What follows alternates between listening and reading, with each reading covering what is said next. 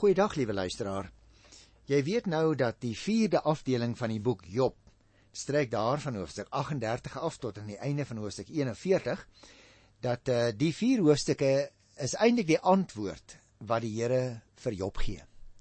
En ek het gesê ek gaan twee programme maak daaroor. Die eerste een is verlede keer uh, afgehandel toe ons gepraat het oor hoe dat die Here vir Job twee skillerye wys. Hy het vir hom 'n skillery gewys van die natuur.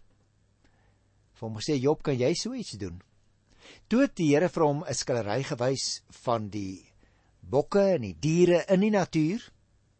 Vir hom sê, "Kan jy so iets maak?" Antwoord my bietjie. En toe het Job ek wil amper vir jou sê kop onderste bo voor die Here gestaan, omdat hy self baie kere so hardkoppig is en baie keer gedink het dat die Here nie meer van hom weet nie. Die Here het hom vergeet in sy lyding en in sy swaar kry. En dan het ons afgesluit met daai mooi versie in Hoofstuk 39 wat gesê het en Job het toe vir die Here gesê: Ek is nie opgewasse teen u nie. Hoe sou ek u kon antwoord? Ek sal liewer stil bly. Ek het gepraat, maar ek kon nie 'n antwoord vind nie. Ek het weer geprobeer, maar nou sal ek stil bly. Here, nou dat ek gekyk het na na die plante en die donder weer in die natuur, nou dat ek gekyk het na die diere ryk, die vleiende diere, die bokke wat loop op die grond. Nou gaan ek probeer stil bly.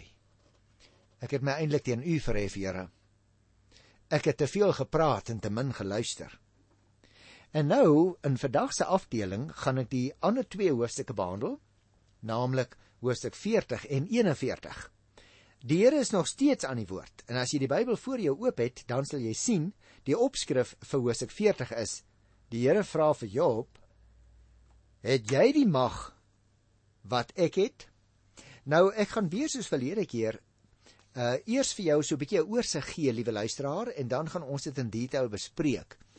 In die 40ste hoofstuk sou ek versigtig wees om te veel te sê, want die Here is hier baie direk aan die woord terwyl hy antwoord gee vir Job en ek dink ons het nou al geleer veral uit verlede keer se program ook ons moet 'n bietjie meer ootmoed hê bietjie meer nederig wees as ons voor die Here staan Nou dit lyk vir my in Hoofstuk 40 Jobbens het in sy tyd van lyding gehoop dat hy die geleentheid sou kry om sy onskuld voor God te bely. Nou het die Here aan hom verskyn op 'n baie besondere manier en het Job dus die geleentheid gehad om sy skuld te bely. Maar Job het toe begin stil bly. Want dit was nie meer vir hom nodig om te praat nie. Hy het begryp dat as hy as nietige mens voor die Here staan, dan is hy eintlik nie in staat om oor die Skepper God van die heelal te oordeel nie en dat hy eintlik ook nie die reg gehad het om die dinge wat gebeur het te bevraagteken nie. Jy sien liewe luisteraar, dit is jy en ek. Nou ons woon hier in Pretoria in die binneland.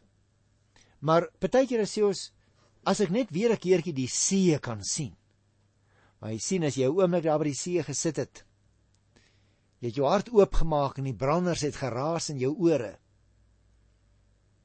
En die toneel het as dit ware kom lê in jou hart van die beweging van die see. Die tonele van die sterkte van die golwe. Die geluid van die breek van die branders op die rotse. Dan het dit sommer jou gees oopgespoel. Of as jy hier in Oos-Transvaal sou gaan staan daar by God's window. En kyk so af op die valleie, die lae veld aan jou voete. Dan weet jy wie die Here is. Jy sien, liewe luisteraar, niemand het die mag wat die Here het nie. Die dinge wat die Here doen is nie afhanklik van jou en my optrede nie. Die Here weet wat die beste is. En hy sal dit ook doen. Of ons nou dink dit is regverdig of nie. Dis baie belangrik nietemin dat ons moet weet en dat ons moet verstaan dat die Here met Job gepraat en sy liefde en sorg aan Job betoon het. Te midde van Job se lyding. Al het Job daar niks van verstaan nie. Mag ek vir jou 'n paar vragies vra? Hoe redeneer jy met die almagtige God? Verwag jy dat die Here vir jou antwoorde moet gee as die lewe nie presies verloop soos jy dit wil hê nie. of as jy jou werk verloor. Of as 'n dierbare siek word en sterwe. Wat verwag jy van die Here wanneer jy misluk? As daar onverwagte veranderinge in jou lewe is. Of as dit sleg gaan met jou geld sake luisteraar as jy en ek weer in versoeking kom om by die Here te wil kla. Kom ons dink dan 'n keertjie aan sy liefde vir ons. En ons hou dat Job stil gebly het toe hy die geleentheid gehad het om te praat. Gaan dit slegter met jou as wat dit met Job gegaan het? Dink jy so? Gaan lees weer die boek? Kyk al die rampe? Kyk selfs al sy kinders is dood in 'n natuurrampe dink jy dit gaan met jou slegter as wat dit met hom gegaan het? Is jy dalk 'n beter en 'n meer regverdige en 'n getroue mens as wat Job was? Gee die Here die geleentheid om sy groter doel en sy plan aan jou bekend te maak liewe luisteraar.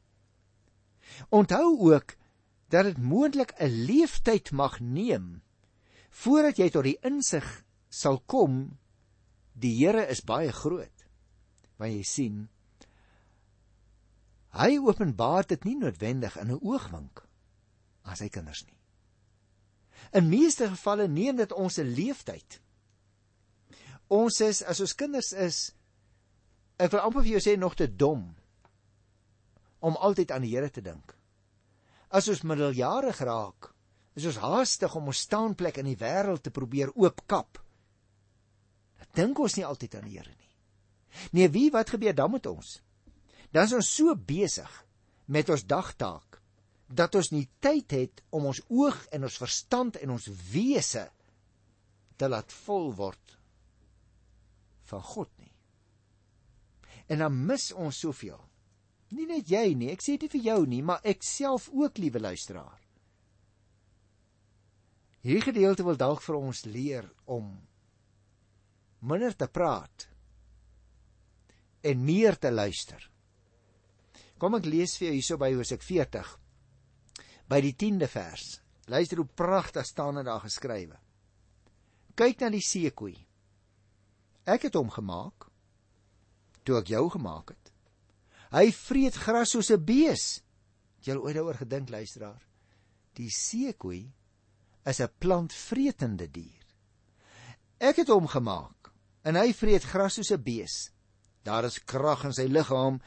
Die spiere in sy lyf is sterk. Sy sterkte so reguit soos 'n seder. Sy boutspiere is in mekaar gevleg. Die bene in sy lyf is soos bronspype, soos stukke yster. Onder alles wat ek gemaak het, staan hy eerste. Net sy maker kan hom verslaan.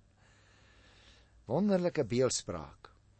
Jy sien wanneer Job sy eie mag begin oorweeg en met die van God se mag wil vergelyk, dan moet hy daaraan dink dat God ook die seekoei en ook die krokodil gemaak het. Die seekoei is saam met die mens geskep albei is deur God gemaak. Die seekoei is wel iets besonders, so sê die Here self. Hy vreet gras soos 'n bees en hy's een stuk soliede krag as die woord wat daar gebruik word. Hy is in 'n sekere sin sê vers 14 die meesterstuk van alles wat God gemaak het. En net sy maker is sterk as hy. Luister mooi word gepraat van die krokodil hier van vers 20 af. Kan jy 'n krokodil met 'n hoek vang of hom 'n tou in die bek sit? Jy lou oor gedink luisteraar? Kan jy 'n lyn deur die krokodil se neus steek of sy kakebene met 'n hoek vastrek? Sal hy jou soebat om genade of by jou mooi praat? Sal hy 'n ooreenkoms met jou aangaan om vir altyd jou slaaf te wees? Sal jy hom kan mak maak soos 'n voeltjie of hom met 'n lyn vasmaak vir jou dogtertjies? Sal handelaars oor 'n prys vir hom kan kibbel? Sal hy onder kopers verdeel kan word? Sal jy harpoene deur sy vel kan gooi of hom met 'n haak aan die kop kon vasvang? Jy sien die beeld van die krokodil hier in Job 40 van die 20ste vers af is 'n pragtige pragtige beskrywende beeld. Want jy sien, die vangtou van vers 19 lei na die hoek waarmee die krokodil vermoedelik gevang sou kon word. Nou, die beskrywing van van die krokodil is eintlik uitsonderlik lank, maar is baie treffend en raak, daarom het ek dit gelees. Eers val die klem op die onafhanklikheid en die groot krag van die krokodil. Dan op sy ontembaarheid. Dan op sy onbruikbaarheid as 'n handelsartikel. En dan weer op sy onafhanklikheid en groot krag. Dit is in 'n sekere sin 'n mens kan dit soms in die uh, letterkunde kan ons uh, soms praat ons soms daarvan as 'n sirkellied. Met ander woorde, die lied gaan so al in die ronde. Die beskrywing is baie plasties. Maar uiteindelik sê jy: "Wow! Wat 'n beskrywing." En ek kan niks aan die krokodil doen nie. En dit is die bedoeling, lyk dit vir my, wat uh wat die Here wil hê wanneer hy so met Job praat oor wie hy self is. Jy sien, Job sal nooit die krokodil met kaal hande kan aanpak nie. Want net om na hom te kyk, skrik jy al klaar af. Veral veral as jy hom met jou ou pogingkie laat probeer wakker skrik. Ook hy is deur God gemaak, hoor. En hoe sou Job dan teen die maker van so dier wou standhou? Mag ek vir jou 'n oorsig gee van die 41ste hoofstuk? want uh, da, dit is net so 'n wonderlike hoofstuk waar dit gaan oor die almag van die Here, oor die feit dat 'n mens net maar voor die liewe Here in verstomming kan staan, in verademing. En jy en ek het mos nie die mag wat die Here het nie. As ons nou kyk na hierdie diere wat die Here vir Job wys, en hy sê vir hom nou, hoe praat jy dan so groot by tye teen my, ou Job? Jy is mos nie tot iets in staat nie, man. Nou uh in hoofstuk 41 word die gesprek voortgesit. Want jy sien luisteraar, 'n mens bevraagteken maklik die Here. Juis as jy in 'n krisissituasie kom. Hy het egter vir Job gesê dat hy wat die Here is, nie die dinge wat hy doen aan enige iemand hoef te verduidelik nie. God is soewerein, luisteraar. Hy is nie aan jou of aan my of aan enigiemand anders rekenskap verskuldig nie, liewe luisteraar. Ons staan so so skef braakies brakkies en ons blaf hierdie vrae. Here, hoekom is dit so? Hoekom maak jy dit so? Ons blaf dit as dit ware voor die Here uit. Sal ons nie maar nederiger raak as as die boek Job lees nie, liewe luisteraar. Dat hy selfs in sy lyding gedink het, maar die Here is verkeerd. God is soewerein. Jy en ek soek dikwels na antwoorde. Maar die geloof vra dat ons sal lewe soos ons moet lewe ondanks die vrae waarop ons nog nie antwoorde gekry het nie. Onthou luisteraar, God ken jou en my situasie. En hy het ons lief. Ten spyte van ons situasie. Ten spyte van ons sleg situasie. Het die Here ons lief. Hou aan om op die Here te vertrou. Al verstaan jy nie waarom dit op die oomblik met jou gaan soos dit dalk met jou gaan nie. Want dit is dalk nie 'n baie lekker situasie nie. Kom ons lees dan die eerste 3 versies van Job 41. Hy is wreed as jy hom wakker maak. Dis nie 'n krokodil nie. Wat wil jy dan nog teen my stand hou? Wie wil aan my eise stel dat ek iets aan hom verskuldig is? Alles onder hemel behoort aan my. Ek wil nog verder praat oor die krokodil, oor sy krag en oor sy liggaamsbou. Jy sien luisteraar, nou sê die Here, seker lyk dit vir my die belangrikste woorde van die hele boek. Alles, Job, alles behoort aan my. Daarom sê ek dit lyk vir my dis die belangrikste woorde van die boek. Miskien is daar ander woorde wat jy sou uitkies luisteraar. Maar die Here staan sentraal. Daarom alles behoort aan my Job. Niemand stel eise aan God nie. Hy is ook aan niemand iets verskuldig nie, nie aan Job nie, nie aan sy vriende nie of aan die Satan nie. God hoef dus nie vir Job in te lig oor sy ooreenkoms met die Satan oor Job nie. Jy onthou nog, die Satan het vir die Here gevra: "Kan ek 'n bietjie uh, hierdie Job uh, in die drukgang plaas? Kyk of hy u sal vloek." En die Here het dit toegelaat. Maar die Here hoef nie vir Job in te lig oor die Satan nie. God vra van niemand iets nie. Hy skuld niemand iets nie. Hy is onafhanklik en vrymagtig, die skepper en die besitter, soos vers 2 en 3 sê, van alles onder die hemel. Kyk 'n bietjie hier van vers 4 tot by vers 12. Want nou praat hy weer, praat die Here weer oor die krokodil om uh, vir Job te sê, kyk hoe sterk is hy. En uh, ek het hom gemaak. Wie kan sy bek oopmaak? Wie kan met 'n toom naby sy tande kom? Wie kan sy kakebene oopbreek, sy kakebene met verskriklike tande? Op sy rug lê die skubbe in rye vas aan mekaar gesluit. Die een so teen die ander dat die wind nie daardeur kan waai nie. Die een is vas aan die ander. Hulle kleef aan mekaar, kan nie geskei word nie. As hy nies, spat die vonke sy oë soos rooi soos die daarraad.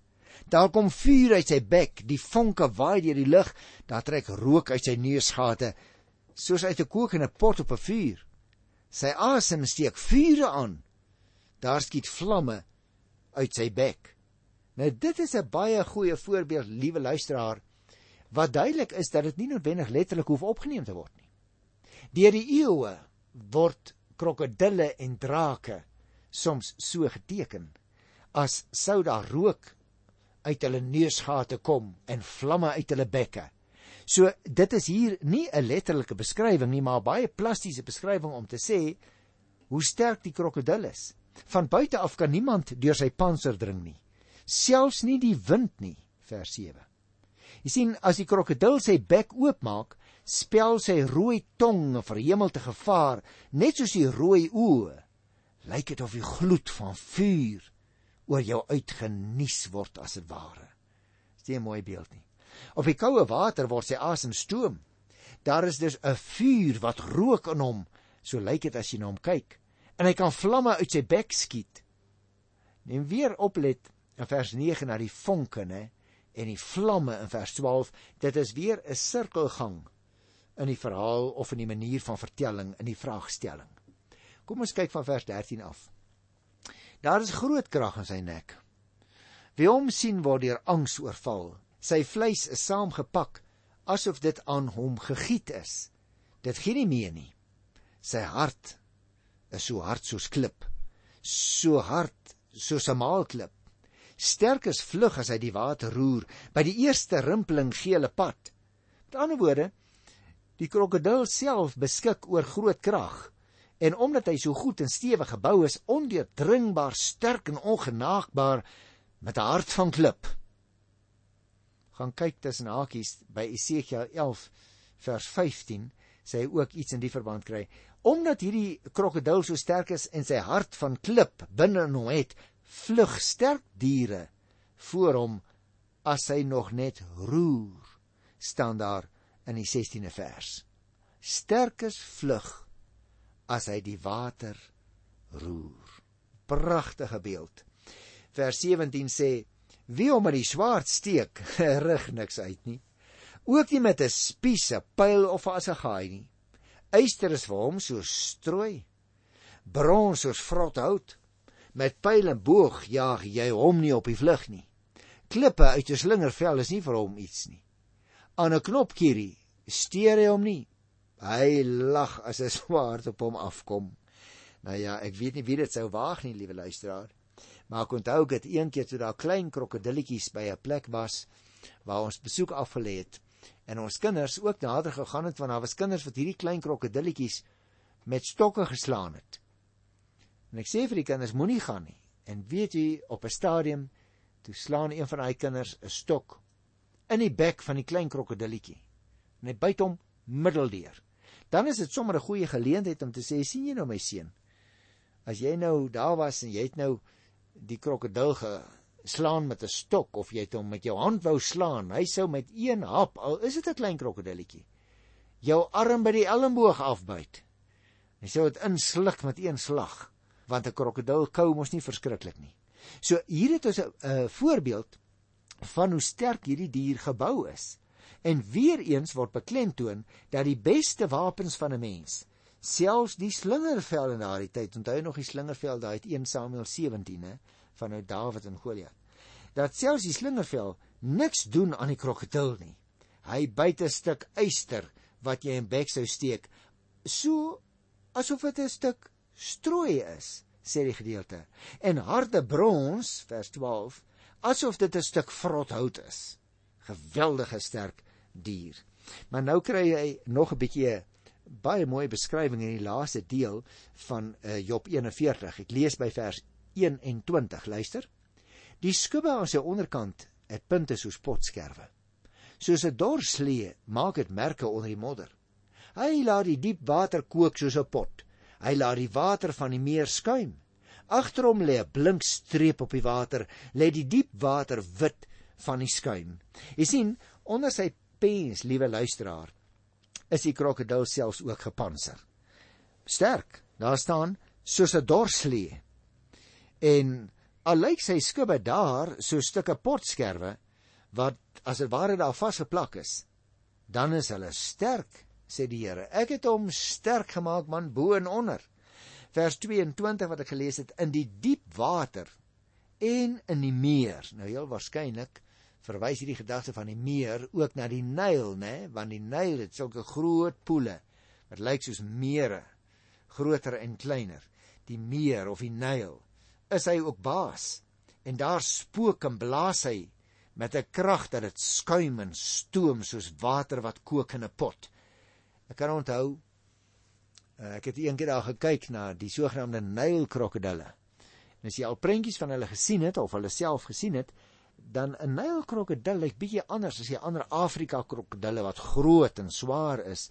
Is die Nylkrokodil het hy baie skerper snoet, né? Maar dit maak hom nie minder gevaarlik nie. En as hy daar onder tussen die riete en die water begin roer, dan sê vers 22 dan lyk dit soos water wat kook in 'n pot. En as uh, jy weer kyk na vers 23, as die krokodil swem, dan los hy 'n blink nat spoor agter hom. Jy sien sy gang. En daarom luister haar die krokodil, groot of klein, in die water of op die oewer, hy bly 'n baie baie gevaarlike dier. Nou in die laaste verse, vers 24 en 25 van hoofstuk 41 in Job, word kry ons in die laaste stukkie van hierdie beskrywing van die Here om te sê hoe ons vir hom agting en respek moet hê as Here want hy het al hierdie diere geskep. Hy het die hele aarde geskep. En hy sluit nou af by vers 24 en 25 met sy beskrywing van 'n krokodil. Op die grond is niemand sy gelyke nie. Hy's 'n ondier sonder vrees. Hy kyk met minagting na diere groter as hy Hy is baas selfs oor al die groot diere. Jy sien, liewe luisteraar, as jy al ook gekyk het na krokodil op die televisie byvoorbeeld, selfs op land is niemand en niks sy gelyke nie. En oor groter diere speel hy baas, want selfs 'n groot bok, selfs 'n leeu kan aan sy kake sterwe. Jy moet weer eens oplet luisteraar, En daarmee wil ek afsluit vir vandag. Die seekoei se baaskap op land, dit was hoofstuk 40 van vers 10 af, begin die slotlied ook oor die seekoei en die krokodil. En die krokodil se baaskap op land sluit dan ook hierdie sirkellied af. Met ander woorde, dit begin met die seekoei en die krokodil en dit sluit af met die seekoei en die krokodil. Wonderlike wonderlike manier waarop die Here gereël het dat die skrywer van die boek Job dit so sou struktureer. Nee, ek sê nou verkeerd luisteraar, wat ek behoort te sê is wonderlike wonderlike God is hy nie? Tot volgende keer. Ek groet ek jou in sy naam. Tot dan. Totsiens.